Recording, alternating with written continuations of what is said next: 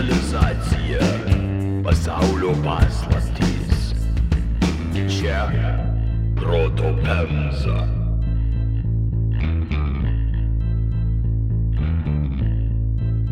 Penki plus septyni, trylika. Jo, Taip, ne, 12. 12, jo. 12. Matematika niekada nebuvo mano Arba galėjom spalio 13 šiam šeštą epizodą turėti ir... Nu, tipo, per, Ir, per ir vieną. ką? Numerologija. It's just spooky. Spooky. It's a numbers game. Atsargiai, Paulai. Sveiki įsijungę proto pemzą, reguliariai nostalgiškų prisiminimų kamuojama, tačiau nuožmių veidų vis dar stokojantį pusamžį kvartetą. Su jumis, kaip ir visada, iš istoriškai drėgnos Lukiškių kalėjimo pažasties sveikinasi įdomiųjų faktų spekuliantas Vilius. Ar žinojote, kad iki 80-ųjų kūdikio operacijoms nebuvo naudojama anestezija? Labas. Oh, Kiek sutaupė va. Aviacijos žinijos komersantas Povilas. O, ačiū. Labas. Nihau. Ufologijos machinatorius Tomas. Ahoj, hoj. Ir aš, smegenų valiutos plovėjas Aivaras. Labas, Aivri. Labas. Prieš kiek daugiau nei 15 metų, 2007 m. kovo 12 d. Kalifornijoje imigravusių pasiturinčių žmonių iš buvusios Sovietų sąjungos tarpe turbūt nuaidėjo bent jau vidinis atokvėpis. Būtent tą dieną prisiekusiųjų žiūri pripažino kaltais du vyrus dėl penkių žmogžudyščių ir paskelbė jiems nuosprendį. Byla sugeneravo šiokį tokį rezonansą. Gana plačiai skelbta apie rusų gangsterių kontrolę JAV, apie augančią rusų mafijos įtaką ir sovietinius žudikus terrorizavusius Los Andželo bendruomenės. Šitai buvo referuojama į du galvažudžius - Jurijų Kadamovą ir Jurijų Michelį. Keista, tačiau šiandien ši istorija nėra taip aktyviai rotuojama kaip kitos mūsų bulvarinėse skiltyse penktą ar dešimtą kartą sukamos tos pačios istorijos apie pasaulio bandžius ir damerius. Kodėl keista, paklausite? O todėl, kad Jurijus Kadamovas, kitaip nei rašė daug klaidų privėlę vakarų medijos, yra ne koks tai iš Rusijos atvykęs gangsteris, jis yra tikras Vilnietis, kažkada emigravęs į JAV ir ten pradėjęs sukti schemas, kurios atnešė jam neįtin įkvepiančią baigtį. Sorry, niekas nepastebėjo, kad du jūrijai. Taip, pastebėjau, taip. Nes kam bandyti, žinai. Žudinių boy bandas. Čia kaip Justės kažkada buvo, žinai. Mm? Ir jūs kvadratu. J&J. J&J's. J&J Nes indikatas. No. Kartu Jurijaus Kadamovo istorija yra puikus įspėjamasis pavyzdys apie tai, koks trapus buvo geresnio gyvenimo siekiančio žmogaus kelias ne tik emigracijoje, tačiau ir pas mus pačius.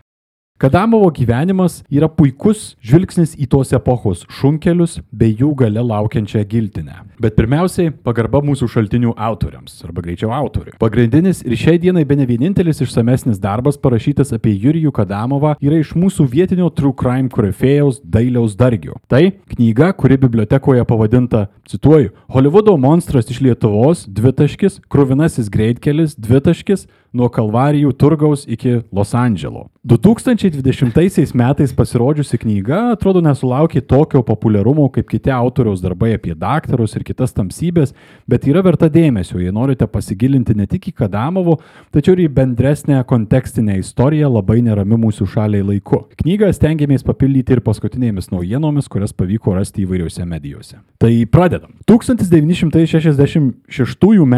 spalio 22 d. Vilniuje gimęs Jurijus Kadamovas atspindėjo mūsų regione vyravusią etninę eklektiką. Kadamovo motina buvo sentikių giminės atstovė, o tėvas turkmėnas, kažkaip atsidūręs Vilniuje. Kažkas pasakyti, taip nelik būtų atsiteleportavę.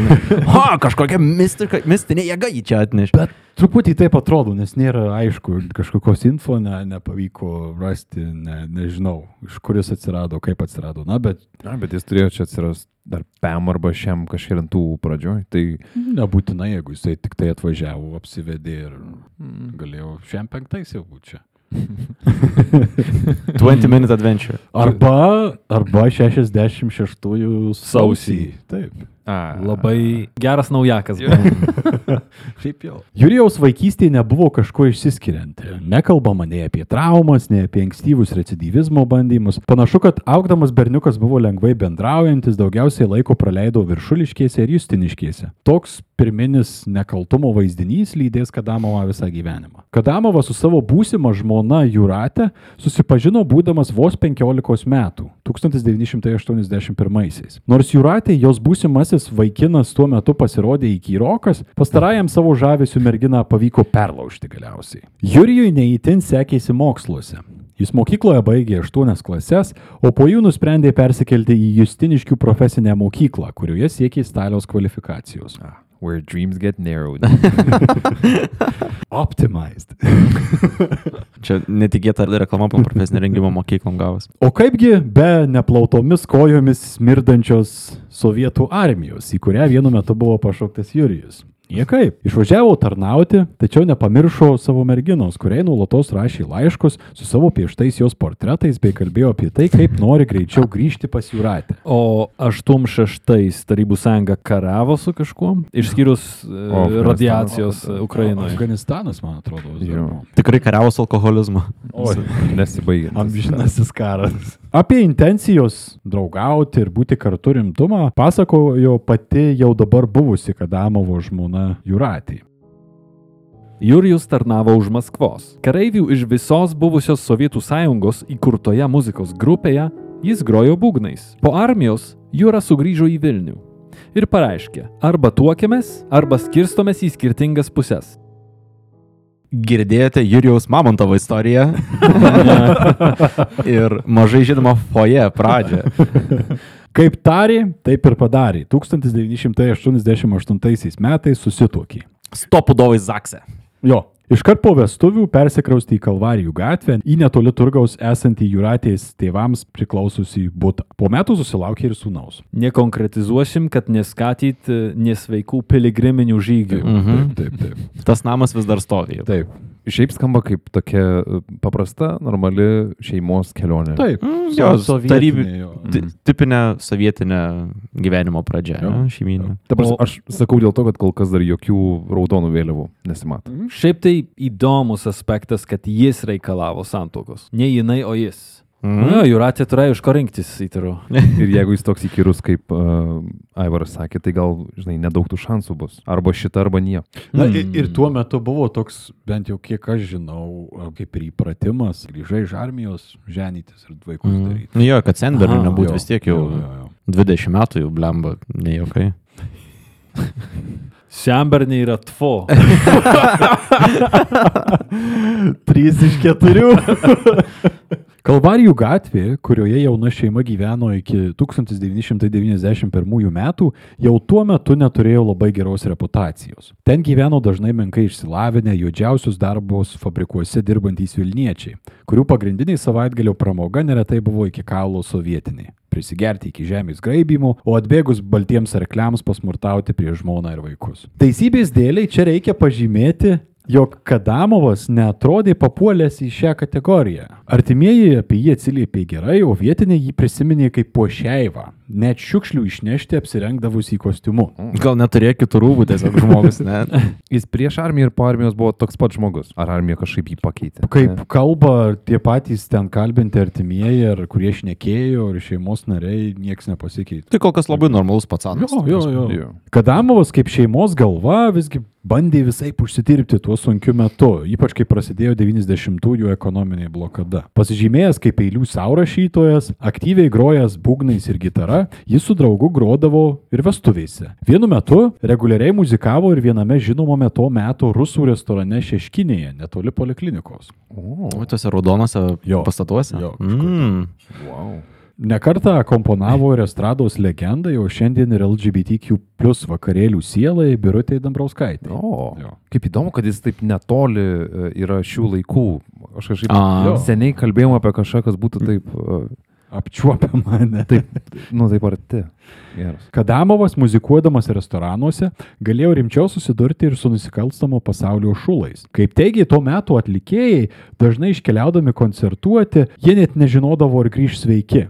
Patys gaujų vadai dažniausiai nekipdavo, tačiau prakutę vadinamieji torpedos galėdavo pridaryti labai daug bėdos. O, į ginkluotų, piktų ir turtingų marozų Taip. vakarėlius važiuoti. Eina, Jo. na, Vienas labiausiai patyrusių to meto muzikantų, Ilja Vatkinas, su grupe Kupė koncertavęs nusikalstamų pasaulio karaliams visoje šalyje, taip prisiminė Jurijų Kadamovą. Jis tikrai mušė būgnais restoranuose, bet buvo silpnas būgnininkas. Mes kažkur su juo esam prasilenkę, bet jis buvo toks pusiau aferistas. Žinau, kad nesusikloščius muzikiniai karjerai, Jurijus Kadamovas vėliau buvo įsteigęs daugeliui ekstazę tais laikais kėlusių vaizdajuščių nuomos punktą šalia Vilniaus koncertų ir sporto rūmų. Ir iš ties 90-10 mečių sankirtoje Vilniuje buvo pradėta prekiauti vaizdajuostėmis. Iš pradžių peržiūros su prastu rusišku įgarsinimu vykdavo pačiuose salonuose, o vėliau atsiradus galimybė jau įsigyti tos videkus, radosi ir nuomos punktai. Jurijus tipiškai tam metui chaoso sąlygomis bandė pralopti kuo greičiau, kuo daugiau ir įdedant kuo mažiau pastangų. Tad ėmėsi šio verslo. ha, gerai, kad dabar nebebūna taip. Pinigų kažkiek pavyko užsidirbti visgi. Nors būsto įpirkti negalėjo, šeima persikraustė į nuomojamą būtą apynaujame daugiabutyje pašilaičiuose. 1992 metais Jurijus sukrapštė pakankamai pinigų ir tam, kad su žmona mėnesių išskristų į Ameriką pas draugus. Wow, Taip. ok. Pa, kuriais metais? 92. Okay. Tai jis tuo metu turėjo būti labai, labai daug pinigų turintis. Tai Negana to, taip. kad skris, bet į Ameriką skris. Nebent pas kažką skrido, kas kvietė ir gal Jo, fundavo. pa, pas draugus skrido. Lankėsi būdu Los Andželė, Las Vegase. Jurijus žvalgėsi ir naujų verslo idėjų. Rado. Po kelionės pradėjo iš Amerikos siūstis avalynę ir akvariumus. Jei pirmąją verslo sritį galima suprasti, antroji iki šiol šiek tiek glumina. Kas Jurijų paskatino galvoti, kad akvariumai tuo metu vargstančioje Lietuvoje jam sukraus turtus? Kaip turi vadintis įmonė, kai tu importuoji avalynę ir akvariumus? Nuo pado iki akvariumą.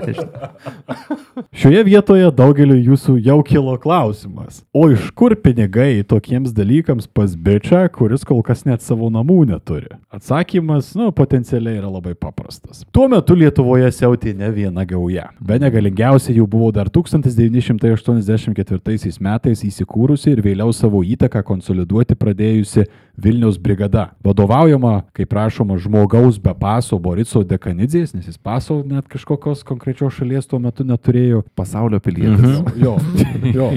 Vadovaujama šito žmogaus be paso į Lietuvą įleisto tik po nepriklausomybės atgavimo, grupuotė buvo vertinama kaip viena intelektualiausių to meto gaujų. Kaip teigia mūsų vietinis nealkoholinis Rudy Giulianis Artūros Paulauskas, dalyvavęs rezonansinėse to meto bylose, Vilniaus brigada panorėjusi galėjo paimti visą Lietuvą savo įtakon. Ar aš gerai suprantu, kad brigada funduot galėjo šitą UAB, UAB Akvakulnas? Aš prie, prie to, li- link to, bet akvakulnas geras.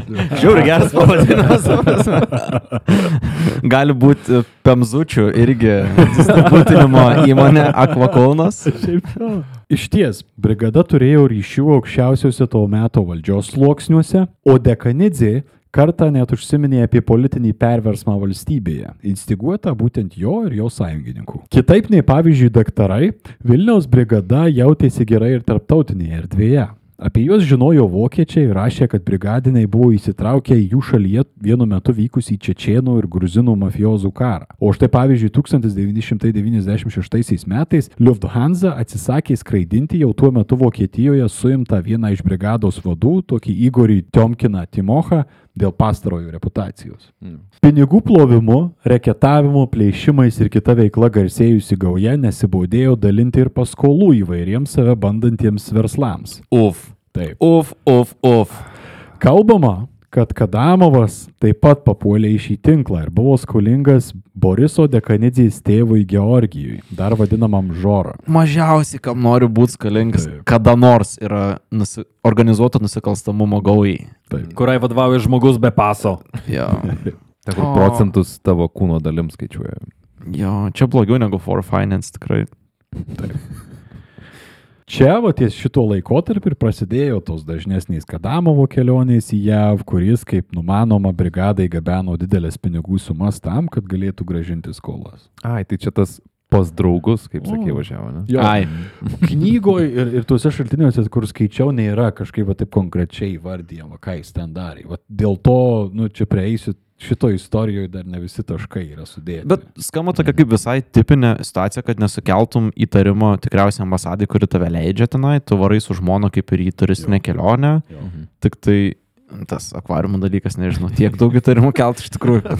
Nu, jis po to skraidė jau ir vienas. Po tų savo kelionių visokiausių Jurijus bandė toliau plėtoti savo verslų idėjas Lietuvoje. Tik jos niekaip neprigydavo. Akvariumus yra valynė, kažkodėl sekė čiužiniai. Ba... Taip 90-ųjų skamba, kad prekiauji Viską. kuo gali. Ir dar vaizdavimas prieš tai buvo. Tai Jo. toks uh, Jo, kiek dažnai perkat čiūžinį, pavyzdžiui. iš vyro turgaus gale kažkur. Tomai, bet su to kaip galingai skamba teiginys importinis čiūžinys. Ne bet Tuo ko- metu tai buvo Jo, ir žodis. pirksi čiūžinį akvariumas dovanų. Ponas Matuba, tai biškai apsitrynė. Bet šiaip, ir dar čia yra laikai, kurie, kuriuos man priminė beje neseniai žiūrėta taip ir ne, kai šalis, kur daiktas buvo pagamintas, dar būdavo daikto pavadinime ir tai būdavo didžiulės vertės žodžiai. Nes nebuvo, čia nebuvo čiūžiniai, ką Kadamos pardavinėjo, čia buvo čiūžiniai iš Amerikos. jo, jo. Crazy. Be tų čiūžinių bandė pardavinėti ir įvairias tuo metu deficitinės prekes aukcionuose Palangoje ir Vilniuje. Jie pateikdavo tokius daiktus, kurie tuo metu žmonėms buvo sunkiai pasiekiami, bet labai geidžiami. Tai buvo įvairios magnetolos, televizoriai. Nepamirškite, kad Jurijus buvęs vestuvių muzikantas. Taigi turėjo neblogą liežuvį tokio pobūdžio renginiams vesti. Kaip įsivaizduoju, toks paskambina į duris, atsidaro duris. Sveiki, sveiki, sveiki. Siūlo liustrą iš Čekijos. Iš Bohemijos tikriausiai būtų, ne? O, Jo. krikštų- Bohe- jo, kri- krikštolų. Bohemiško krikšto. Skambat kaip, kaip kadamovai. Prieš prasidedant aukcionui išrinksim stalo komendantą. Prie stalo, prie stalo, prie stalo. Tokiam aukcionė norėčiau Su sudalyvauti. būgnu vienu. Haslinama buvo visai. Nu ir šeima gyveno neblogai.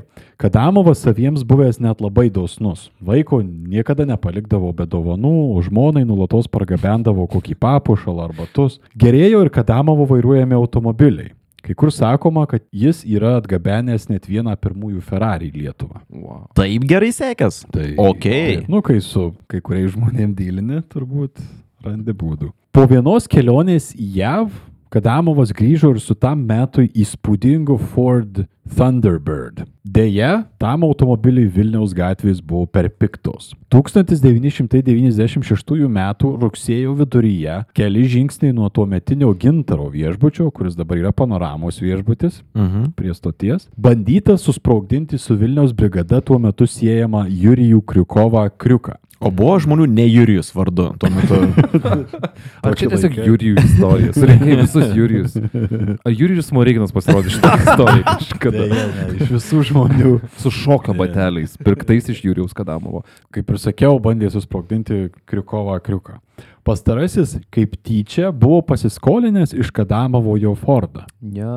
Vairuotojas liko gyvas, nors vėliau paaiškėjo, kad šitą darbelį suorganizavo pats Vilniaus bomberis Valerijus Januškevičius. Mm. Šiai dienai mes gauname labai tamprę sąsąją tarp Kadamovo ir Vilniaus brigados. Vien dėl to, kad automobilius skolino vienam iš Jo. šulo, ne? Jo. Tai čia 96, čia toks buvo nuokrypis, bet 95 metais šitą esant tą temą apie mašinas, Kadamovas įsteigė, kaip teigiama, netgi pirmąjį Lietuvoje limuzinų nuomos punktą, įsikūrusį Vilniaus kultūros ir sporto rūmų pašonėje. Bet jis verslus. Nu taip, Vyrukas. 90-ieji.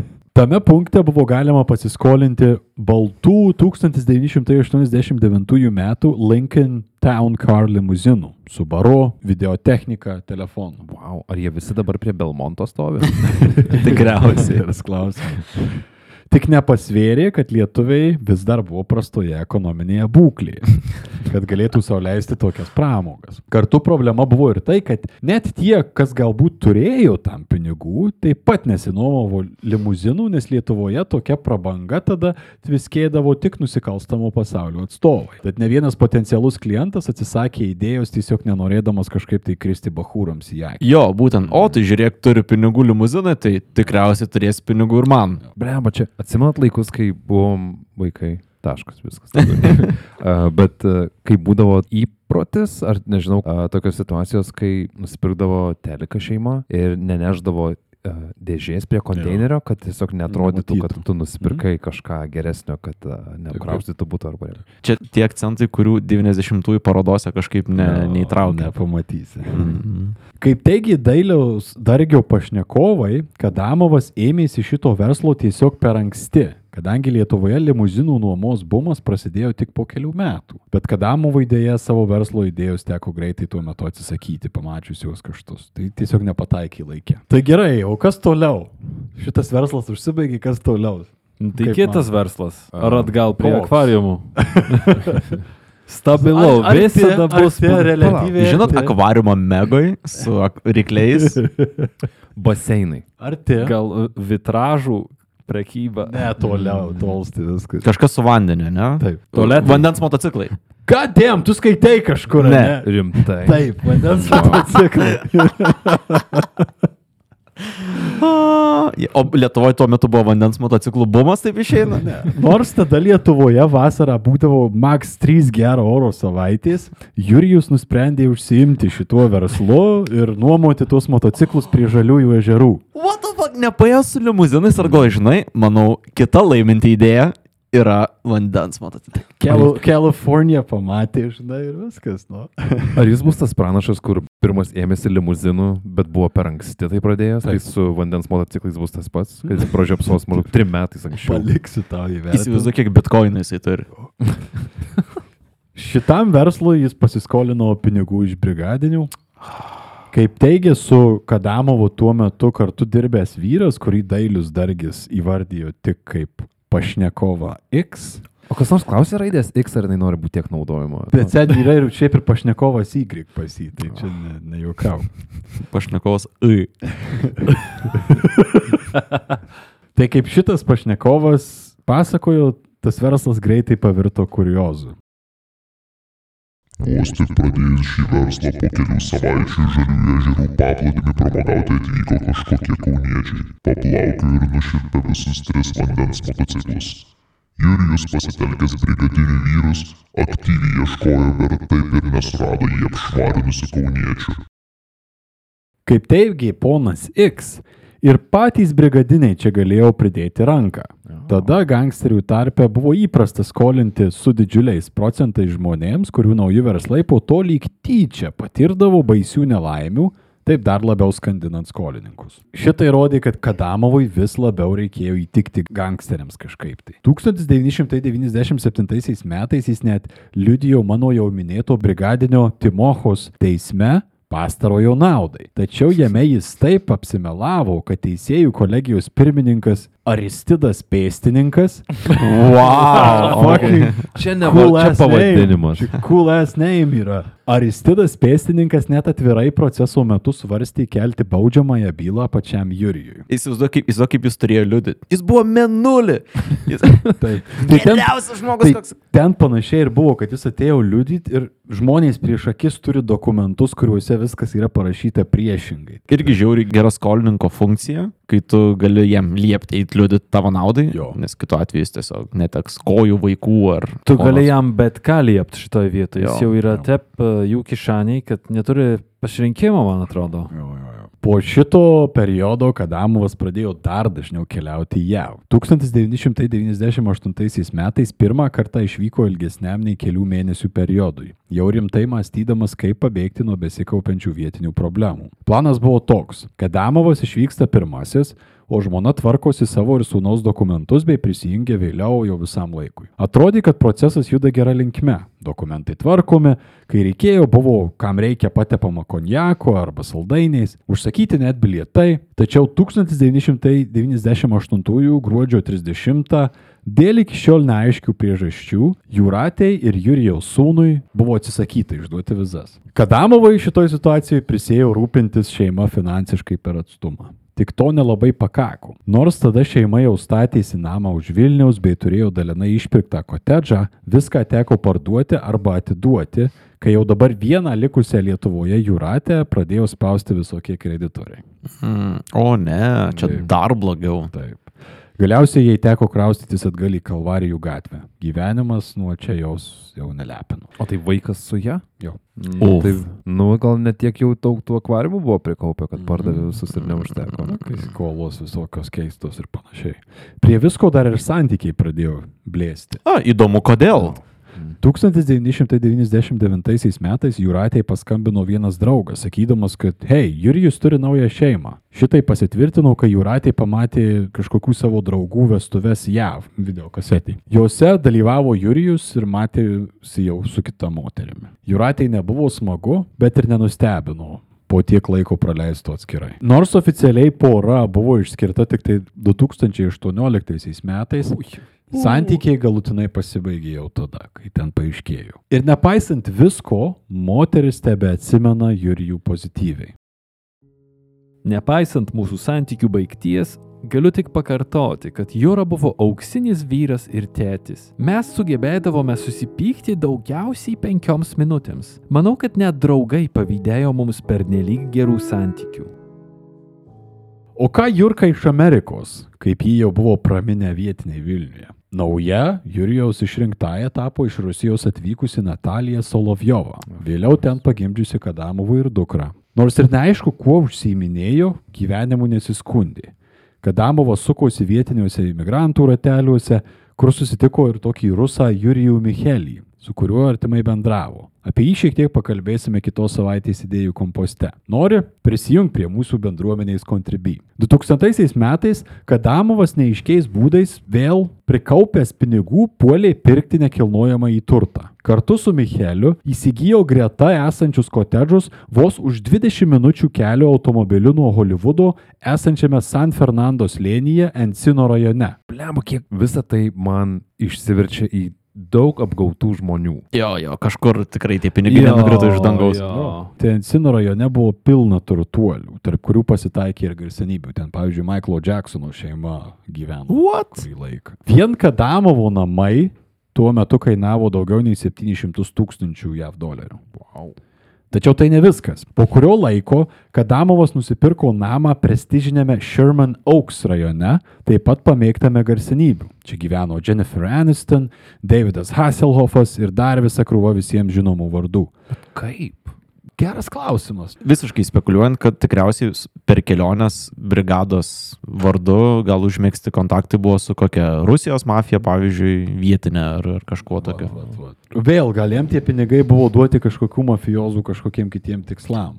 Fuck no. Nu jo, okei. Okay. Žinia, mafijozai labai mėgsta duoti savo pinigus kam nors. Šalia to, kad Amovas nuolatos važinėjo prabangiais automobiliais, fotkinosi garsiausiuose Los Andželo vietose, su Micheliu įsteigė kompaniją pavadintą Design Water World. Žinoma. Taip toli nuo tų akvariumų nepabėgo. Ne. Bėgo. Yra širdutė kažkokia Taip. silpnybė šitam. Taip. Vyrai, kaip ir gerai atspėjot, prisistatinėjo akvariumų pardavėjais. Taip. The Wet Bandits. Nors, kaip pastebėjo aplinkiniai, jų biure neretai lankėsi tokio nuožmoko veido vyrukai. Natūralus klausimas ir vėl, iš kur po Vilnių pinigai? Kaip pasakoja Dailius Dargis, po Sovietų sąjungos griūties suintensyvėjo imigracija ir ne visada švarūs sandėriai tarp abiejų Atlanto pusių. Vilniaus brigada greičiausiai dalyvavo pelningame narkotikų gabenime per Baltijos šalis. Tuo tarpu JAV taip pat buvo siunčiami žmonės, kurie, pavyzdžiui, vogė automobilius ir juos siuntė į buvusias SSR šalis, kur už labai neblogą sumą galėdavo parduoti. Įsivaizduokit- Jo, kai gauni už dyką ir Jo. už kiek be parduodi yra į pliusą vis tiek. taip. Ir jeigu pavogiai ten Porsche ar, ar limuziną kokį, nu, gali gerai užsikalt visai. Tokie GTA vaibai visam šitam. Šitų momentų atrodo, kad Kadamovas tapo gana tokiu veržliu ir reikalingu, tikėtina, kad rusų mafijos krumpliaračiu. Gali būti. Per daug išsisukęs, per daug gal neišsiskolinęs, kad pasitraukt, bet per menko proto, kad pakilt kažkur daug aukščiau. Gali būti. Yra to, tokia. Jo, arba sąmoningai nusprendęs nekilti aukščiau, nes ten prasideda tie krovinieji Taip. Na, pasibandymai. Tai čia dar tiesiog pratesiant apie tą migraciją. Būdavo ir rimtesnių mainų objektų. Pavyzdžiui, buvo minimos kelios istorijos apie brandolinių medžiagų vagystės iš buvusios SSRS ir pardavinėjimą vakaruose. Kai sakai vagystės, tiesiog įsivaizduoju, kaip kažkas įeina į kambarį, pasiima Taip, radioaktyvios medžiagas ir išeina. Su, sušluoja, žinai. Ne, net ne kambarin, kažkur išversta į mešlo laukia. Maksimos maišą juodlygį, Jo. atneši padedant ant stalo kažką. Daugiabučių Rusy kažkas laiko. Mm. Šitos schemos ypač suaktyvėjo po 95 metų ir tai duoda peno hipotezėms ir apie Kadamovo pinigų šaltinius. Spėliojame, tačiau gali būti, kad su tikra nusikalstama veikla Kadamovas užsigrūdino būtent Los Andželė, kuriame buvo berots, o gal ir yra, man atrodo, antra pagal dydį pasaulyje rusų diaspora, kurioje būta nemažai įtin piktų dėdžių su tamsia praeitimi. Ten netgi buvo vienu momentu, skaičiau, minima, kad Sovietų sąjunga ar, ar ta posovietiniai šalys kartais net specialiai siūsdavo visus savo bjauriausius veikėjus, tipo varykit iš čia, varykit į Ameriką, jeigu norit ir viskas. Tai buvo su kuo bendrauti ir turbūt buvo visokiausių veikų. Mm -hmm. Kaip ten bebūtų, su rusų Micheliu susidraugavęs Kadamovas pradėjo kurpti vėl visokias crazy idėjas. Pagrindiniai jų - bet kokiais būdais užsikalti 50 milijonų JAV dolerių ir baigti kriminalinę veiklą. Labai tokia kuklę sumą išsirinko. Taip, taip. taip. The Big Dirty. Jo, jo, ir tas tikslas, kurio turbūt siekė ten begalės gangsterių ir, ir banditų. One last job. Ir po Kadamovo, jo. Ir po, jau įsivaizduoju, kaip jie dviese šneka, po to žinau, kad atidarysiu vandens parką. Tapsiu vandens matrasų karalium. Ar jis finansavo Kevino Kostnerio uh, filmą? Galiausiai. Būtų norėjęs. 2001 metais Kadamovas ir Michelis savo tikslams subūrė gaują. The Wet Bandits. Jie buvo vadai, o prie jų prisijungė tikras posovietinis potpuris su neaiškia praeitimi. Rusai Aleksėjus Markovskis ir mano minėta Natalija Solovjova, ukrainietis Piotras Krylovas ir broliukas Latvis Ainaras Altmanis. Kad aš nežinau, kodėl man jokinga. Ne, nu šiaip skamba kaip komedijos tokia komanda. Jo. Ne? Altmanis. Hold on. Čia būtų. Rock, jo vaidintų tokia nesąmonė. Galiausiai buvo nuspręsta grobti pasiturinčius į Los Andželą emigravusius rusų, žydų ir kitų tautybių žmonės ir sirpti už juos išpirkas. Kažkur girdėta man šit, šitas verslo modelis.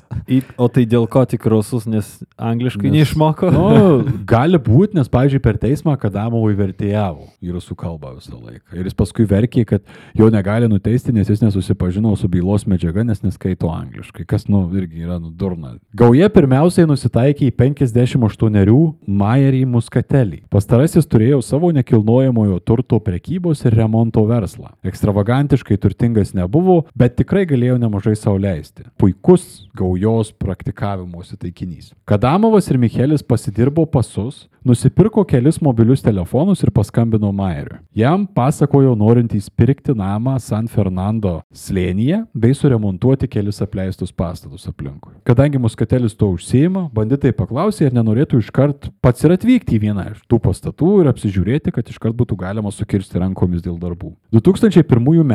spalio 11 d. muskatelis lydimas Michelio atvyko į apleistą namą, kuris neaišku kam priklausė. Jame tykojo Kadamovas kartu su Ainaru Altmaniu. Vos muskateliui įėjus pro duris, jiedu iškart pargriovė verslininką ant žemės ir surišo jam rankas ir kojas plastikiniais dirželiais. Lipne juosta užklijuota burna, o Michelis dar pridėjo smūgį pistoletu per galvą, iškart ją praskeldamas. Profilaktiškai. Taip. Piniginėje nieko gero nerado, tad kai muskatelis pabudo, pradėjo tardyti. Muskatelis prisipažino, kad laiko pinigus bankė. Privertus Maierį padėti juos išgryninti, gauti pavyko tik nedidelę dalį, nes banko sistema užblokavo sąskaitas dėl įtartino manevro su didelėmis sumomis. Dienomis. Kai kur rašyta, kad bankui paskambino pats Muskatelis ir pasakė esas pagrobtas, bei kad jam reikia 500 tūkstančių dolerių išpirkos. Sutrikęs banko darbuotojas tai palaikė jų keliu ir padėjo ragelį. Sistema puikiai veikia. Mm. O Kadamovui ir Micheliui tai buvo ženklas, kad nieko negaus iš muskatelio. Nežinia spontaniškai ar ne,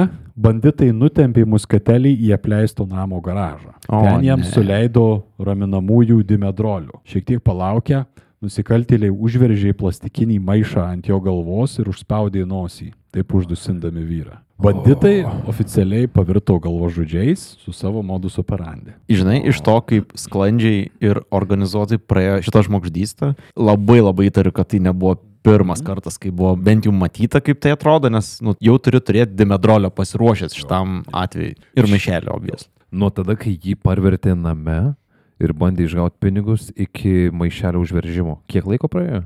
Čia, man atrodo, vos ne tą pačią dieną viskas įvyko. Ir kas tame dalyvavo? Čia buvo Jurijus Jurijus ar... Jurijus, Jurijus ir Altmans Altmanis. Ir. Ainaras. Tas. Jo, Trys. Ainaras Altmanis. O kuris nužudė, nėra aišku. Ne? Nedetalizuojam, man Hmm. atrodo. Vienas užveržė plastikinį maišą, kitas užspaudė nosį. Man atrodo, nosį užspaudė Michelis. With our powers combined. Tai visi dalyvavo šitam. Atrodo, kad čia yra tas pirmos žm- žmogžudystės momentas, galbūt Kadamovui. Iki šiol jis toks sukčius, vagis, spekuliantas, melagis, bet ar žmogžudys, Mes nežinom. mes nežinom. Jo. Per daug pilkų dėmių. Muskatelio kūną nusikaltėliai įsimetė į Kadamovui priklausiusį furgoną. Su Micheliu Kadamovas nukako prie Parrots Ferry tilto, einančio virš nuošalaus New Melones ežero Yosemite nacionalinio parko pakraštyje. Vieneždami kūną prie tilto krašto nevėkšlo sugebėjo išmesti jį ant žemės. Vėliau ten aptiktos kraujo dėmės. Prie kūno buvo prikabinti svarmenys, o jis pats numestas nuo tilto į ežerą. Ir tiltas yra vienas aukščiausių Amerikoje. Ten Bet huge pataikė? fall buvo. Pataigė ežerą. Jo, jo, bent tiek. Kūną po savaitės, spalio 18 dieną, plūduriuojant į ežerę, dėl prastai pritvirtintų svarmenų, rado tėvas ir sūnus. Iš Stocktonų atvykę New Melones ežere pažvejoti. Imigrantų bendruomenėse iškart pradėjo sklisti gandai apie kažkokius žudikus, o teisėsauga pradėjo paieškas, kurios palyginus ilgą laiką nedavė didelių vaisių. Tačiau didesnį išleikštulį kelia tai, kad kaip vėliau pasakojo gaujos narys Markovskis, Kadamovas jam sakėsi numetęs, čia cituoju, storą žydą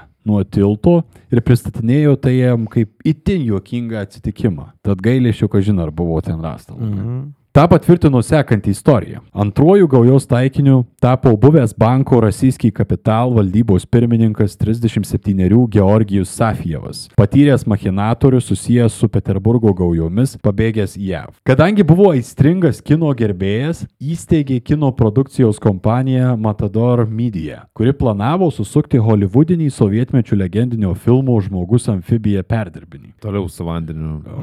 Referentas. Jo, kažkaip daug yra to. Iškart nusipirko daugiau nei 2 milijonus dolerių kainuojantį namą bei važinėjo itin brangiomis mašinomis. Kadamovas ir Michelis nusprendė veikti kitaip šį kartą taikantis į Safijevo aplinką. Tuo metu Matador Media įmonės finansus tvarkė draugiškumu pasižymėjusi 39 metų Rita Pekler. Ji vadovavo finansų įmoniai ne vienam rusakalbiui imigrantui padėjusiai susitvarkyti dokumentus o kartais, kai buvo kalbama, ir išplauti pinigus. Puikus tarpininkas prisikasti prie visos eilės piniguotų šulų. 2001 m. gruodžio 5 dieną Rita Pekler dingo iš savo darbo vietos. Ta diena jai paskambino Jurijus Kadamovas prašydamas konsultacijos dėl nekilnojamojo turto sandėrio. Susitikti su ją norėjo paties Kadamovo namuose. Atvažiavo, viskas ok. Juose jau laukė Altmanis, Krilovas ir Michelis, nes žinoma, prireikė keturių vyrų šitai operacijai. Altmanis iškart Rita puolė gazdinti elektros šoku, Michelis pistoletu. Surišta Rita buvo informuota, kad jai tai reikia paskambinti ir pakviesti Safijevą atvažiuoti į Kadamovo namus. Po to jai bus sugirdyta degtiniais ar suleista raminamųjų, ji liks gyva ir sveika. Tačiau tuo metu Pekler buvo ne iš čia ir jai toks scenarius netrodė palankiausias būsimam kūdikiui. Bet gaujai tai buvo nei motais. Jie kelias valandas tardė ir gazdino, kol galiausiai perlaužė jos valią. Rita paskambino Safijevui, tačiau Onas pasakė, kad yra per daug užsiemęs, kadangi išskrido atgal į Rusiją skubiais verslo reikalais. Situacija persimainė žaibiškai. Rita staiga pavirto į nereikalingą liudininkę. Jos pažintys Los Andželo turtuolių tarpe taip pat gali neįtin gerai atsirūkti ją tiesiog paleidus. O tai negalėjo paskambinti kitam? Nu, jų taikinys buvo tas tuo metu. Tad galite nuspėti, nors moteris priešinosi taip, kad gaujos nariai po to tarpusavį keikėsi, kokia jis stipri, jos paskutiniais gyvenimo valandos sekė muskatelio scenarijų. Dar viena, o galbūt ir dvi aukos gaujos sąskaitoje. Jei ne visos mirtys ir sukeltas skausmas, tai turbūt gaują galima tikrai laikyti kažkokiu beveik komišku nevykėlių rinkiniu. Bet tas uh, neščios moters noras išsigelbėti pačiai ir išgelbėti vaiką mm. veikia kaip, nu, adrenalinas yra nieko, man atrodo, palyginus su tuo, kiek tenai nubunda jėgų ir uh, galios. Ir Ech. kiek turi būti puolę tie žmonės, kurie, kurie ją žudo. Degradai, kad degradai banditai. Kad jinai nešia. Čia atrodo, jie yra jau sugalvoję verslo planą, kuris yra tikriausiai jų galvoj skamba geriau nei realybėj, bet, nu, atkreipiu dėmesį, kad čia realiai du mėnesiai po Mhm. mu Muskovico, Mm, Muskatelio. Muskatelio. Jo, nėra ko marinuoti. Jo. Plus, teoriškai trys užmušti žmonės ir nei dolerių kol kas. Tai taip pat gerai kaip su limuzinų nuoma kol kas eina. Bet entuzijazmas ieškoti pinigų kapšo niekur nedingo. Krilovas šį kartą gaujai pasiūlė dar vieną taikinį. Savo buvusį bosą Aleksandrą Umanskį, kuriam priklausė brangių automobilių elektronikos parduotuvė. Sherman Oaks rajone gyvenančiam Umanskiui ir jo šeimai sekėsi puikiai, plaukė milijoninės apyvartos. Tačiau, kaip teigiama, Krilovas ant jo laikės lastį, nes Umanskis jį atleido po kažkokio tai ginčio kažkada. Tad kodėl nepasinaudot progą? Mhm. 2001 m. gruodžio 11 d. į Umanskio parduotuvę užsuko Jurijus Michelis. Ten dirbusiam savininkui pasakė, kad turi du prabangius automobilius, kuriems reikia remontuoti elektroniką. Kadangi gedimai dideli, paprašė patį Umanskį pamėtėti Michelį iki transporto priemonių. Umanskis, matydamas dolerių ženklus, mandagiai sutiko pavėžėti būsimą klientą. Ir čia mažiau nei savaitė po Pekler nužudimo. Jo, nes gruodžio 5 buvo jinai. O, jo, tai mažiau net negu savo. Šešios dienos. Taip. Įdomu, ar čia noras praturtėti, ar degant iš šikna dėl kažkokio tai dalyko. Aha, jo, desperacija. Geras klausimas.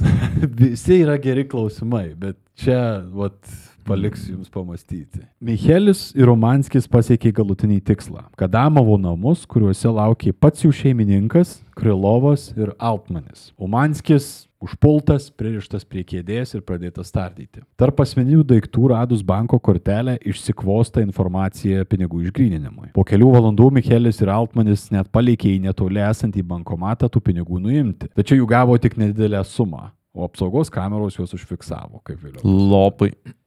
Ta prasme, ar jie tikėjosi nusimti pusę milijono dolerių bankomate? Tikriausiai bet jo. ko tiesiog, kad galėtum. Gal jie visiškai buvo taip, taip jau ant dujų gyventas tuo metu, kad bet koks doleris jau visai ok. Nors sunku patikėti, turint omeny, kiek jie nekilnojamo turto visokio ale turėjo. Skamba kaip narkomano desperacija. Aha, Yra šito, yra.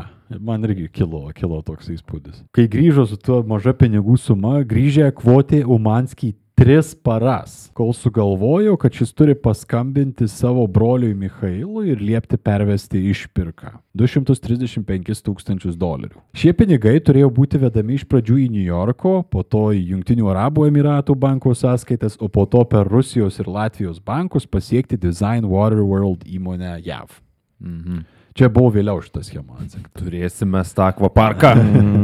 Umanskio šeima po reikalavimų gautų susisiekė su FTB. Pastarieji liepė sumą pervedinėti tik dalimis, kad būtų motivacija įkaitą išlaikyti gyvą. Tad pervedė pirmiausiai tik tai apie trečdalį sumos. Tyla. Kol gruodžio 27 dieną, priminsiu, Umanskis buvo pagrobtas 11. Mhm. Mikhailas Umanskis vėl sulaukė pagrobėjų skambučių. Anie reikalavo likusių pinigų. Umanskis pasakė nemokėsės nei cento, kol neišgirs brolio balso. Pagrobėjai atšovė, kad fine, nepervedinėk, bet tada iš vis negausi skambučių. Nei iš jų, nei iš Aleksandro. Mikhailas palūžęs pervedė likusius pinigus, tačiau net nenutuokė, kad tuo metu jo brolis buvo gerą savaitę kaip negyvas. Taip. Gauja iškart po pirmo pervedimo sutarė, kad reikia Umanskio atsikratyti. Jam taikytas toks pat metodas kaip ir kitoms aukoms. Tik kažkaip sunkiai sekėsi priversti Aleksandrą numirti. Anas priešinosi visą savo esybę. Tada galvažudžiai jau tiesiog paėmę virvę, užveržė vyrui aplink kaklą ir brutaliai jį pasmaugė. Kokie b... iš tikrųjų, kaip Labai. Atrodo, jeigu grobi žmonės ir nori išpirkos, tai kaip ir visai apsimoka parodyti, kad tu atgausi tą žmogų, kad kitos aukos būtų motivuotas pervės pinigus. Gavo dalį pinigų, turi dar vilties gauti daugiau. Ir ką, ir, ir iškart atsikratė vienintelės savo kortos. Mhm. Pasikrovė kūną į Kadamovo furgoną ir vėl žudikai pirmiausiai nuvažiavo į Michelio namus. Laukdami sutemos, jie ramiai sėdosi prie stalo, kur tuometiniai Michelio partneriai jiems pataisė vakarienę. Kaip kokiame Goodfellas filme. Mm. Gaujai ramiai vakarieniaujant furgonė savo gulėjo lavonas, kurį po vakarienės banditai nuvežė ir išmetė į, ežerą. Jie ne- nepasimokė iš pačio pirmo įvykio, kad ežeras nėra pati geriausia vieta atsikratyti kūnų, nes jį randa po to. Jo. Bet čia čia kažkaip jiems pasisekė, kurį laiką tų kūnų nerado. Mm. Bet gaujai visa šita istorija buvo šventė. Pagaliau sėkmė. Ir kaip tyčia tuo metu išgirdo, kad į Los Andželą sugrįžo ne kas kitas, o Georgijus Safijevas. Sutvarkęs jau reikalus. Verta pabandyti ir vėl. O tai, pū, pala, o Georgijus nepasigėdo kažkaip savo asistentės nešiosios? Žinai, jisai, tai jis gal buvo pripratęs prie to, kad žmonės dinksta. Tai verta pabandyti ir vėl, tačiau Rita Peklė negyva. Kaip prisikasti prie milijonieriaus? Jau matau, kaip brėžinėje tiesiog prie stalo naująjį planą. Suliniuotę ten matlankį dėlioja vis. Gauja nusitaikė į gerą Safijevo draugą ir verslo partnerį Matador Media kompanijoje 29 gruziną Nikolajų Harabadzę, kilusi iš garsios aktorių šeimos. Buvo sutarta, kad operacijoje dalyvaus Kadamovo sugyventinė Natalija Solovjova, kuriai už bendradarbiavimą buvo pažadėtas naujas Bemsas. 2002 m. sausio 20 d. Natalija paskambino Harabadzei, prisistatė turinti ryšių su šulais Maskvoje ir kad nori pasikalbėti apie didelį kino projektą kartu su produceriais iš 20th Century Fox. Vieta turėjo būti tų pačių Hollywoodo gigantų klubas. Realybėje tai buvo tiesiog Adamovo akvariumų įmonės biuras. Harabadzė sutartų laiku atvyko vieton ir per daug nesutriko. Be Natalijos du tariami produceriai žaidė biliardą, du gėrė, o dar vienas stovėjo už baro, kuris ten kažkaip atsirado. Kur stiklinės šluosto, žinai, kaip niekur ne. Pats Kadamovas beje ten buvo už baro. Kaip suprantate, visi kiti produceriai buvo irgi gaujos nariai. Mm. Mm. Puikus spektaklis vyksta šiuo metu. Bet, nu, šiaip tai baisu yra, tu ateini į kažkokią vietą. Mm. Natalija Nikolajų paprašė užsakyti kokteilį. Kol tasai krapštėsi, Krilovas greitai užrakino laukujas duris. Nikolajus buvo iškart suvystytas ir pririštas prie kėdės, atimti visi jo daiktai. Gauja vyrą informavo, kad jiems te reikia pagalbos įviliuojant į spastų Safijevą. Harabadzi galiausiai paskambinęs įtikino Rusą skubiai atvažiuoti į neva itin svarbų producerių susitikimą, kuriame jis atseit gavo du paskutinius kvietimus į tą pačią sausio 20 dieną vykstančius auksinio gaublio apdovanojimus. Kaip jokinga yra, kad taip viskas su kino industrija susiję yra iš šitą vietą. Va. Kaip tyčia tais metais sopranai buvo nominuoti auksiniam gaubliui. Geras. Safijevo ego po tokių naujienų buvo apakintas įsivaizduojamų susitikimų su Hollywoodo karaliais, kuriems galėtų prominti savo žmogų amfibiją. Iškart pasakė, kad atvažiuos. Atvykus Safijevui, nusikaltėliai iš karto surakino turtuolį, atėmė asmeninius daiktus. Po kurio laiko gauja abu įkaitus nusivežė į Kadamovo namus ir vėl. Iš jų Safijevas buvo priverstas paskambinti savo įmonės kitam verslo partneriui, kad šis pervestų 940 tūkstančių dolerių. Pastarasis supratė, su kuo turi reikalą, taip ir padarė. Pinigus gauja gavo, tačiau dėl visako liepė Safijevui pasirašyti dar vieną raštelį, šį kartą 4 milijonų sumai. Kadamovas tuo pačiu į diktofoną įsirašė ruso balsą, jei netyčia prireiktų kokio nors įrodymo. Ir čia turbūt suprantate kodėl. Sausio 24 dieną Harabadzė ir Safijevas buvo nugirdyti tektinę. Gauja sumetė vyrus be sąmonės į du automobilius ir patraukė link ežero. Pakeliui juos sustabdė patrulis, nes transporto priemonės važiavo pernelyg arti viena kitos. Tačiau Micheliui pavyko išlipus iš mašinos pasikalbėti ir nugesinti situaciją. Gauja išsisuko su įspėjimu. Įkaitams čia nepasisekė, o patruliui turbūt priešingai. Kaip vėliau pasakojo gaujos nariai, kad Damovas sustabdymo metu jau ruošė savo pistoletą, o kalbėdamas apie tai, kaip toli yra pasirengęs eiti dėl savo tikslų, buvo lakoniškas. Net jei dėl to teks sukrauti kūnus iki pat vandens paviršiaus. Ir vėl vanduo. Ir vėl vanduo, ta prasme, jis niekaip negali iš pamest šito, ne? Policininkas liko gyvas, tačiau įkaitams tai reiškia pabaigą. Nuvažiavus prie ežero, jie abu buvo pasmaukti ir su svarmenimis išmesti ežeran. Čia net nėra pusę metų praėję, jie jau turi penkis lavonus sąskaitai. taip. Cool, cool. Kaip pasakojama, po abiejų įkaitų nužudimo, sugrįžus namo, Michelis paskambino minėtam Safijevo verslo partneriui ir paprašė dar vienos sumos - 4 milijonų. Tasai partneris nebuvo toks patiklus, įrašinėjau pokalbius, o ir paprašė kažkokio įrodymo, kad Safijevas gyvas. Turbūt gavo Kadamovo įrašus ir tą raštelį, kur, kur buvo pasirašyta ten faksu atsiuntė tą raštelį. Tačiau panašiu metu iš Safijevo banko kortelės Michelis bandė nusipirkti video įrangos už daugiau nei 8000 dolerių. Neaišku kodėl. Parduotuvė paprašė banko kortelės kopijos, nes užsakymas buvo darytas telefonu, nes Amerika. Tad Michelis išsiuntė tą kortelės kopiją faksu iš savo namų. Nepaaiškinamas durnumas užkietėjusio atrodo nusikaltėlio galvoje. Lemtinga klaida. FTB iškart pasižymėjo Michelį ir jo artimą draugą Kadamovą, nes tuo metu jau žinojo, kad ten Safijevas dingęs ir jo ieškoma yra. Pradėjau sekti jų abiejų telefonų pokalbius, kuriuose jie gana laisvai kalbėjo apie išpirkas. Šalia šito FTB skambučių įrašuose pamatė, kad įtariamieji 99-ųjų greitkeliu link New Melones ežero važinėjo kaip tik tomis dienomis, kai buvo nužudytos visos jų aukos, kurių kūnai jau buvo rasti. Tai leido atlikti kratas, kur Pandoros skryne vėrėsi tik tai dar plačiau. Pas abu vyrus buvo pilna asmeninių aukų daiktų, kortelių, rastas Michelio faksuotas raštelis, o ant antrankių aptikti Safijevo ir Harabadzės pirštų atspaudai. Viename iš Kadamovo namų rasta krūva suklastotų dokumentų, 14 pistoletų, įvairių jų priedų, elektros šokolasda, tazeris ir batai su aukų kraujo dėmėmis. Na ir aišku, keistai ne vietoje esantys svarmenys, tie blynai vadinamieji, kai sporto salės artiniai su žiburiu nerasi. Nematau jokių įrodymų. Vėliau buvo, Circumstantial evidence. vėliau buvo atsektos net bankų machinacijos, nes po nužudimų itin stipriai pasipildė akvariumų įmonės sąskaitos, kuriuose iki žudimų te buvo vargani 78 doleriai. Tai uždarė visą reikalą. 2002 m.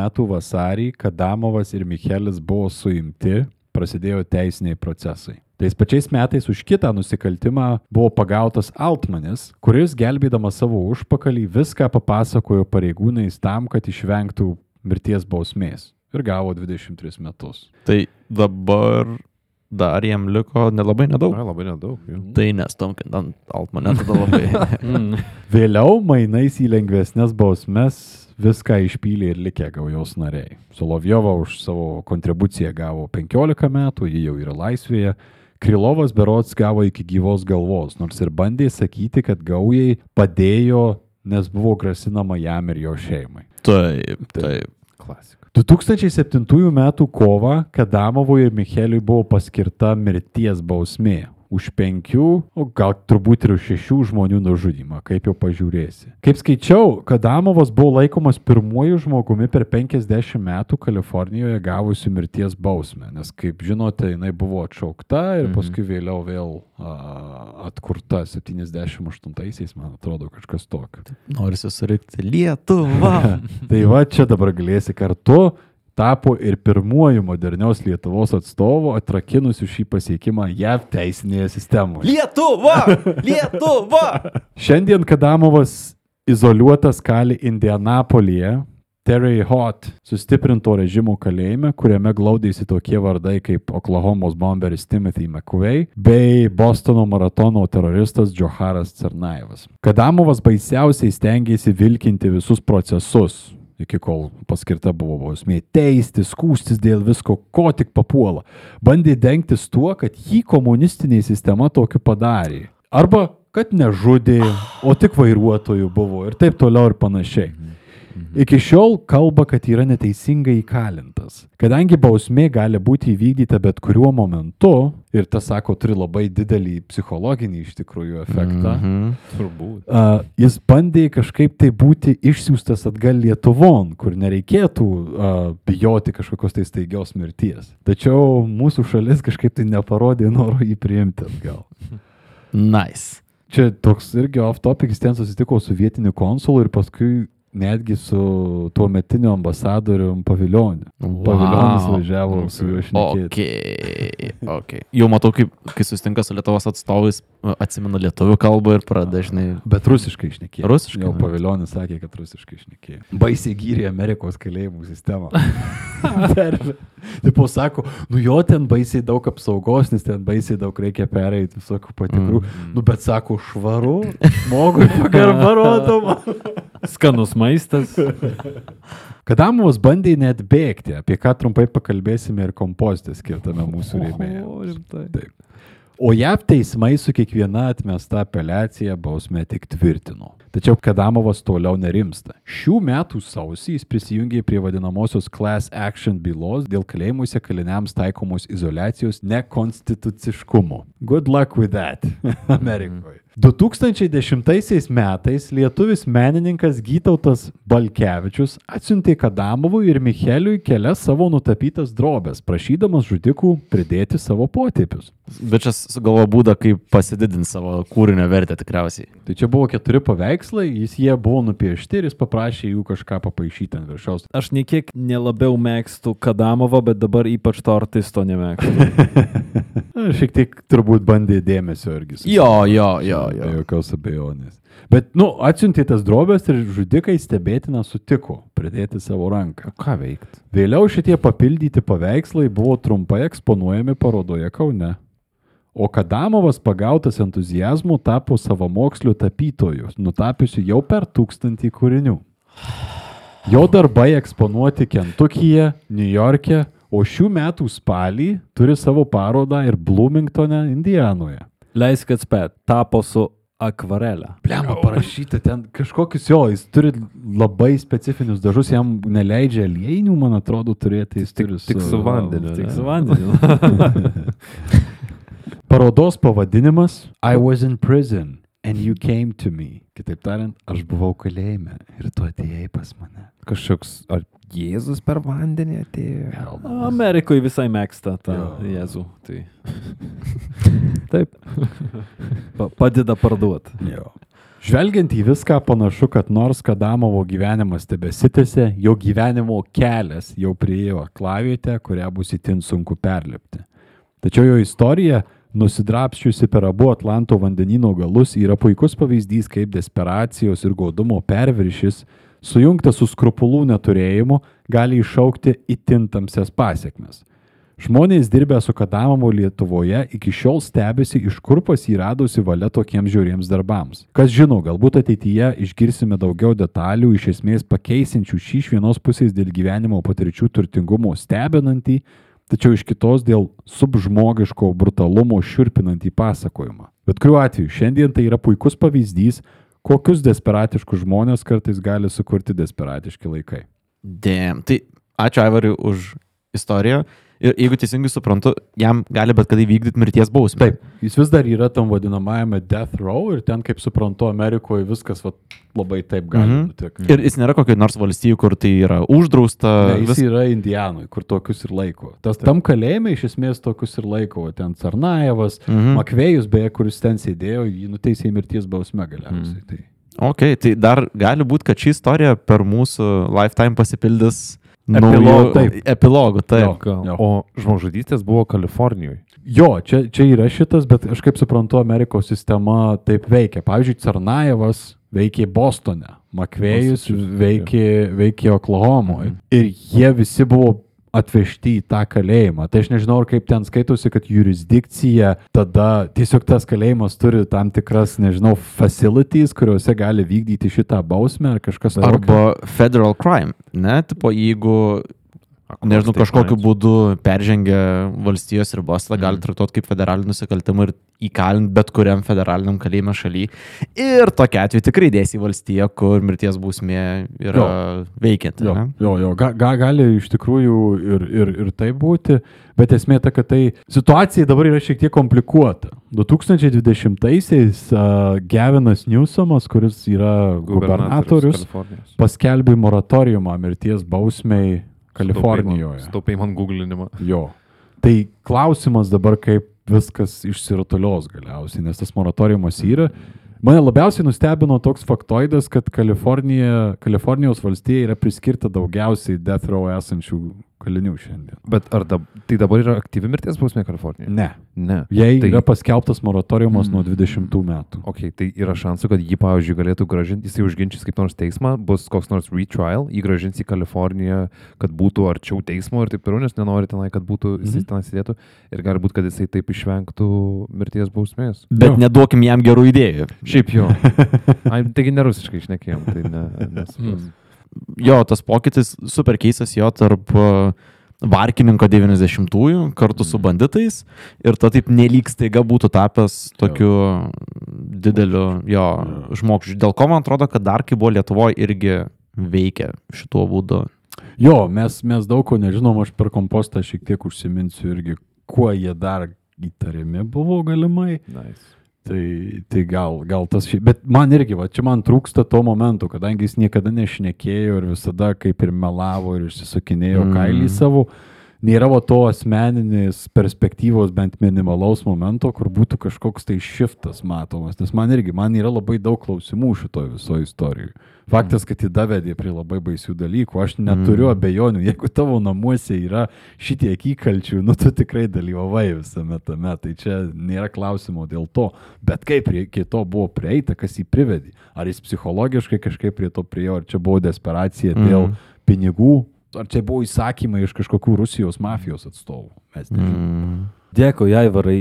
Įdomi istorija, nu, reikia ir padėkoti knygos autoriui, e, Dargiui, kuris padirbėjo, atrodo, su šitom tyrimu, kad ir kiek baltų dėmių liko. Man, man besiklausant, e, tokias iš pradžių galvojau savo, nu, gudrus žmogus, talentingas. Jis galėtų būti geras pardavėjas. Turi, Ir nu, tikrai, verslus, bet kažkur strateginiam lygiai nedavež, ar ne? Limuzinai kažkokie nelaiko, mm. uh, vandens motociklai prie vieno ežero visoje Lietuvoje, tokiu laiku, kada nu, vagia tuos dalykus.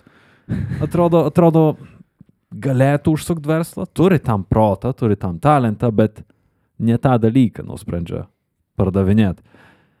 Ir turint visą tai, nu, pavyzdžiui, jis, jis irgi žiūrėkit visą laiką eidavo šnekėt pirmą tose jau, e, tuose, tuose pagrobimuose. Jo. Tai jis yra tas aktorius, jis yra tas vestuvių muzikantas, mm -hmm. kuris Mhm. moka pašnekėti, moka Performeris. užšaukt. Jo, jo, jo, jo. jo. Kurioj vietoj jis padarė lemtingą klaidą? Ar jisai paėmė paskolą ne iš tų žmonių, ką reikia? Ar gal jis turėjo kokį kiemo draugą, kuris vėliau tapo Vilniaus brigados naru ir intraukė pažįstamą Jorijų, kuris paskui jau davė pirštą, paėmė ranką ir jis jau negali žengti atgal. Jis jau, jau sufeilino, kad ir kiek norėtų iš ten pabėgti. Ir gal tiesiog atsidūrė vat toj gaujoj, kur jau buvo galva žudžių ir jis tiesiog jau gal, o gal, o gal kaip sakot, jis buvo jau iki to laiko suštepęs rankas. Mm. Man kažkaip atrodo tie paslydimai tokie Amerikoje įvyko. Amerikos dalis keiščiausia yra, ne? Jo. Nes, kaip tu pasakai, Aivari, kad buvo momentas, kai pinigų netrūko. Tai tokia uber hipotetinė situacija, kai, kai pradės kokią mafiozą skrynę, jie visą išleidęs ir tada staiga supratęs, kad reikia ją gražinti bet Jo, kokiu jo, jo. būdu, ne? Nes labai kažkaip sunku įsivaizduoti tą tokį nuo, oi, turim daug pinigų, iki žudom žmonės dabar, nes priežastis. O vat man atrodo, kad jisai visą laiką skoloj buvo. Visa toj prabanga buvo grinai ant pasiskolyta iš kažkur. Ir, ir jam reikėjo suktis toliau, dėl to jis tas savo iniciatyvas keistas, keistas varė, nes Jo, man, tai buvo fejkas absoliutus. jo. man irgi atrodo, kad čia bent šiai dienai, kol neturim kažkokios papildomos, mm. čia yra realiausias scenarius, kuris galėjo būti. Ačiū visų pirma. Aš nustebau ir nustebau šiandien per kelis e, etapus. Nustebau dėl visko, ko, dėl, dėl ko jūs nustebot. Uh, bet tuo pačiu, aš irgi, va dabar ir ilgai turbūt galvosiu, kokios buvo priežastys, dėl ko tie žudimai prasidėjo, nes jie visiškai neįsipaišo į šito vat, žuliko karjerą. Kažko trūksta pakeliui. Tikriausiai yra tos detalės, bet Jungiamosios dalies. jo. Nes jeigu tai buvo desperacija dėl kažkokių išorinių, išorinių įtakų, prašymų, reikalavimų arba grasinimų, tada gal labiau yra paaiškinama, negu kad jisai galbūt būtų ėmęsis šito dalyko, nes buvo per daug savim jau pasitikintis ir norėjo išlipti kažkokius tai didesnių pinigų vandenis. Man šitas kažkaip netrodo kaip jo samoningas karjeros posūkis, visi šitie įvykiai. Ir žiauriai gaila tų žmonių, tų aukų visų, nes, nu, be ryšio buvo viso šito žmogžudystės. Visiškai, kiek jau galima pinigais per kūną paskaičiuoti, čia net nėra tokios didelės kažkokios tai sumos. Iš pradžių jie ir atrodė man kaip tikrai Wet Bandits iš Home Alone, bet finale, nu, blemo, penki kūnai, tu visus juos pasadino, ne?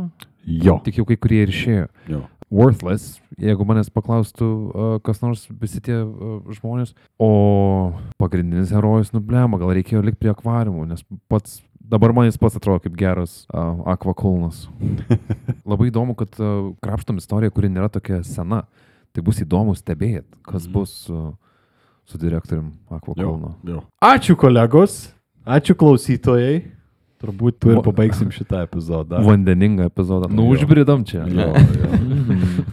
Tikėkime, kad uh, kažkada paaiškės šitie dalykai, nes aš manau, kad, nu, turbūt ir vertinga būtų šiek tiek pasižiūrėti, kas nulėmė tokius pokyčius ir tokius pasislinkimus veikloje. O su jumis susitiksime arba kitame epizode, arba kitą savaitę idėjų kompostė, kur mes šiek tiek daugiau pakalbėsime apie pagrindinį Kadamovo porininką, bei kai kuriuos jo tokius įdomesnius bandymus esant uh, JAV teisinės sistemos gniaužtus. Koks akvalangas į ateitį. Sekite mus Facebook, Instagram, žinoma, kontribį mes turime dalykų tenais visokiausių ir jų bus, dar atsiras daugiau.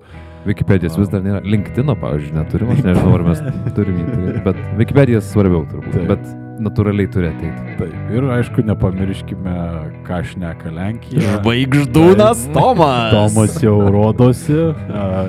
Jei iki šiol nesekėt, tai žinokit, tuoj rinkimai. Jeigu klausot, klausot premjeros dieną šitą epizodą, tai jau artimiausiom dienom atmosfera kaista. Tai ant Tomų sienos galite rasti visas istorijas apie tai, ką šneka Lenkija. Šiaip e, nuoroda visą laiką po mūsų e, postais būna Facebook'e, tai tikrai rasti. Taip, tikrai taip. Viskas. Ačiū, kad klausėte. Iki kitų kartų. Ačiū. Iki. Iki. E, esi mūsų rėmėjas? Neišsijung, mes norim tau padėkoti. Ir išsijungia tiesiog. Slaps himself or herself in the face. Alpsta žmonės. Dideliausia ačiū tariame sanitariniui. pirmo. iš pirmo. Sanitariniam hermetikui. Chmieliauskytei. Arūnui. Agniai, Igniai, Reitanui, Donatui, Unicorn, Linui, Jonui, Arminui, Remigijui, Vietiniam, Aurimui, Aurimui, Spartan the Beard, Viliui, Povilui, Sūnui Palaidūnui, Jėvai, Tomui, Saidai, Martynui, Soci, Vitalijai, Justinai, Riokui, Minlegui. Ta pauzė visą, laiką amazing yra, kur visible confusion prieš. Minlegui, Martynui, Evelinai, Rūteniui, Deimantai, Gabrieliai, Agatai, Medai, Kotrinai, Arnui, Titui, Medai, Erikai, Emai, Salvijui, Mariui, Dimješkiui, Dijai, Vyteniui, Skrusdėlytei, Birutei, Pablo Desilio, Bropniukui. Šarūnui, Žilvinui, Baronui Fonsolkenzo, Retro, Janiui, Gintariai, Lukui, Laurinui Šalytaus, Ramoniui Pievai, Rokui Lekai, Mykolmorui, Sauliui, Kamiliai, Tomui, Povilui, Vytautui, Martynui, Justui, Mariui, Ramūnui, Laurai, Aneliai, Godai, chemijos gydytojai, Tomui, Evelinai, Gretai, Egliai, Kristinai, Bobiui. He's back! He's back! Bobertas. Austėjai, Eglynui, interdimensiniui technobildukui, Egliai, Navickų džiaugsmui, Martynui, Pauliui, Daivai, Gedui, Tadui, Tadui, Bresels galui, Henkai, Ingridai, Gintautui, Edvardui, Gintautui, Deimantui, Gyčiui, Modestui, Agent Cooper, Karoliui, kiek valandų, Behemoth on 11. Ice, Andriui, Pauliui, Kaclionkaitei, Dr. Kaun ir vėl Dr. Kaun, mano vardui Ryčiui, Kristinai, Laurinai, Jurgiui, Tomui, Kiprui, Tadui, Ryžam Gaurui, Natui, Giedrutai 13, Dario, Inesai, Ignui, Elenai, Donatui, Marinai, Elvinai, Martynui, Dovilaizeriui, Jurgitai, Tomui, Pipinui Trumpajam, Kukavo, Horror Show VG, Tomui, Beatai, Ulai, Žaibui, Laurai, Martinai, Sigitai ir Agniai. Bet dar neišsijung. Nes ačiū norime pasakyti ir Roide Fumy, Eimučiui, Laurai, Gabijai, Andriui, Martynui, Editai tą patį, šlikščiam seniui, Irmantui. Nes Ir man tas susiję šitie- tvarkoja. šitie Ir nėra- man kiek galiu kartu. Ir man tas tvarkoja. Pauliui, Efkai, Bohemai Ruoniui, Domantui, Nabagiai, Jovorui, Ragariui kaip krėviai, Jurintai, Luidžiai, Davidui, Jodai on drugs, Almuksusui, Mantui, Povilo Kuždesiviliui. That's new. Kas čia dabar? Orintai, Čiharai, Major Tomui, Laurinui N, Juozui, Didusui Bibusui, Klasika. Špunpeliui, Rimantui, Badzumbiškio kamienui, Vilmai, Tautvidui Bart, Aurimui Kopūstiai, Martynui iš Raufos, Dianai Tulpaitiai, Liochai, Eiviliai, Neringai, Ugniai, Davidui, Živiliai, Gyčiui, Eitvidui, Tedžiukai ir Kluotojui, Tautvidui, Žiedūniai, Audriui, Arūniai, Katablankui su Katablankiukais, Peledžiukui, Liudai, Daivai, Marzazilui, Mantvidui, Egidijui, Emilijonai, Jevai, Martinui, Godui, Dainiui, Dietlovo Meškutėms, Radzvilai, Giedriui, Erikai, Eglė 3 su nupieštu medaliu, Michigo ar Michigo, Artūrui, Rasai, Duke Silver, Julijai, Ritai, Dainorai, Liniui, Duonacui, Pemetrai, Justinai, Kristinai, Benediktai, Mantūsui, Daviliai, Mariui, Dariui, Egzibo, Laimonui, Pikabu Zebu, Birutei, Eimantui, Birutei dar kartą, Baronui, Arūnai, Neringai, Nikštukų fabrikėliui, Ingridai, Vaidui, Viktorijai ir Jevai, Gerdai, Laurinui, Rapalui, Barškalui, Brigitai, Gretai, Renatai, Max Galingumui, Markui Džin, Migliai, Donatui, Tadui Jogeliai, Vaidotui Vnurčikui, Mindaugui Kiprui, Simai Migliai, Pauliui, Didžiai MTV, Monikai Akviliai, Tomui, Julijai, Simonai, Artūrui, Donatui, Džiugui, Mindaugui, Pauliui, Domantui, Samantai, Reinaldui, Martynui, Reptilijui, Ugniai, Simonai, Austėjai, nu ir dabar jau tikrai ir... Ir nagi aišku, be abejo, taip pat Elvinui, Šarūniai, Vytautui, Agnainiui, Lagaminui, Juliui, Arnai, Charlie from Verdansk, ponui Jori Kompostui, Gvidui, Medžiui, Justinai, Rūtai, Vilitai, Antanui, Urtai, Eglynai, Viktorijai, MD, Pauliui, Renatai, Audriniui, Mr. Mindogui J, Rimai, Vikai, Kornelijui, Donatui, Kestui, Linai, Aušriniai, Arštikiui, Tarislavui, Jolitai, Aušriniai, Erbreideriui, Justai Pripūstai, Editai, Zabirkai, Sastin, Džiugui, Šiau. Džiugui, Gedriai, Šliaužytai, Sandrai, Karoliui, Maiklui Skotui, Kristinai, Indrai, Ingridai, Kristinai, Dariui.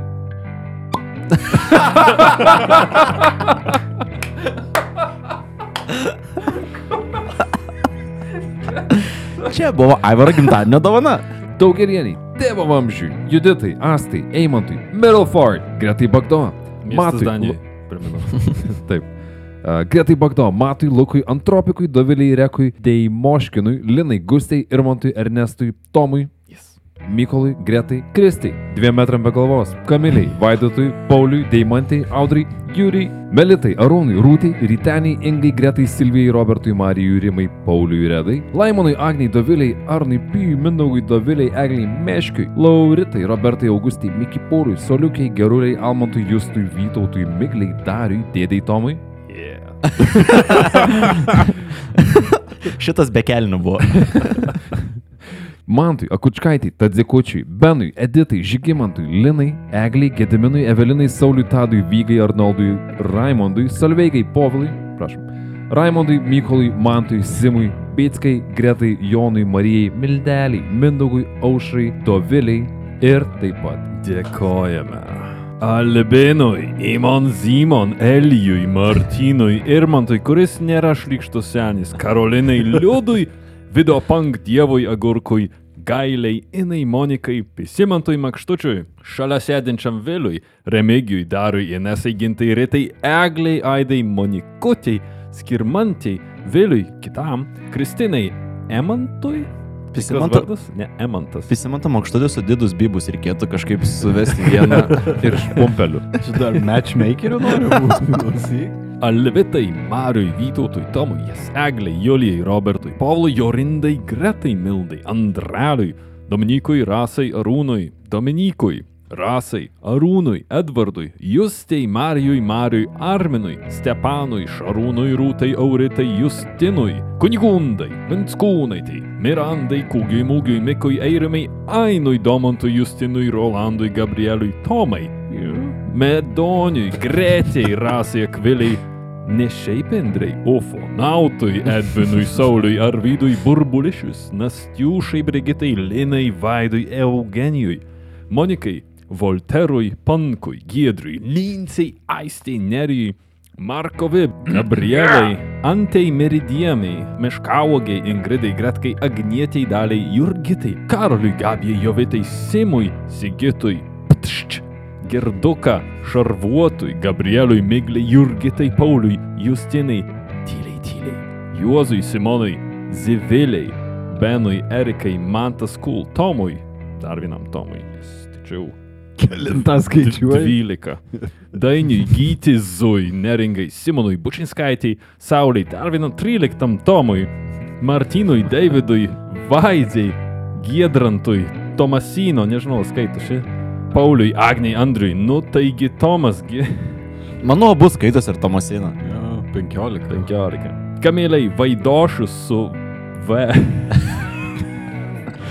Vaidošus per lenkišką V, kabutėse Vaidošus su V, bet pirmas žodis su lenkiška V. Robertui, Linui, Rokui, Benui, Viktorijai, Tom, 16 Giedrai ir be abejo visų taip nuoširdžiai lauktam Lukui. Ačiū tau, Lukai. Ačiū visiems. Ačiū visiems.